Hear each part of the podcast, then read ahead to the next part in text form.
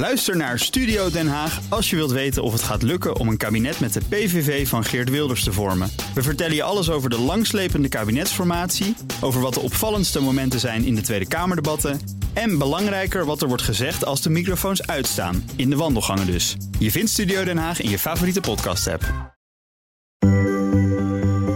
Wetenschap in het kort met Carlijn Meinders. Slaat een behandeling aan of niet? Dat wil je in het geval van kanker natuurlijk zo snel mogelijk weten.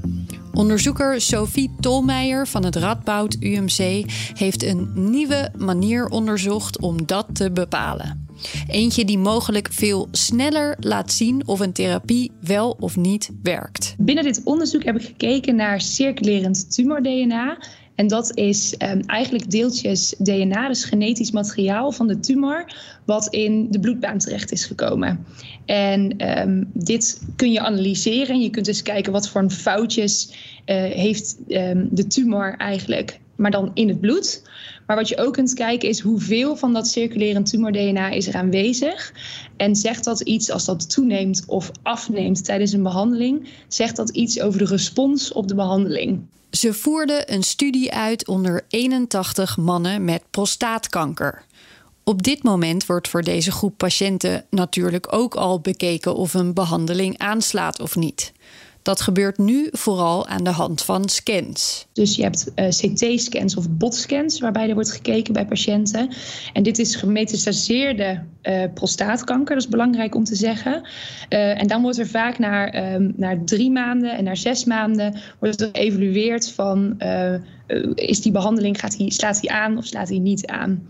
Wat we nu dus doen met dat circulerend tumor-DNA is dat we proberen al veel eerder te kijken. En of we dan al een idee hebben op vier weken in plaats van op drie maanden. Of uh, patiënten reageren op de behandeling, zodat er ook een mogelijkheid gaat zijn al veel eerder om misschien iets te veranderen. Vier weken in plaats van drie maanden dus. Dat is nogal een verschil.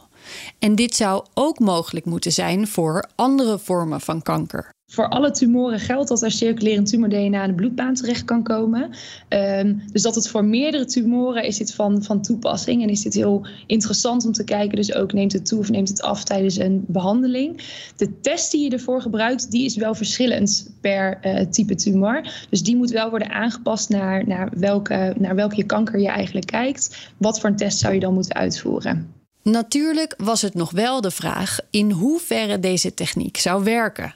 Het resultaat is veelbelovend. Wat heel erg mooi is, naar mijn mening, is, uh, is dat we zien dat in een heel groot percentage van de patiënten, um, waarbij we een ongunstige circulerend tumor-DNA-uitslag krijgen, dat die patiënten het over het algemeen ook niet goed doen op de therapie. Dus de scans later bevestigden eigenlijk wat wij al in het circulerend tumor-DNA zagen op vier weken.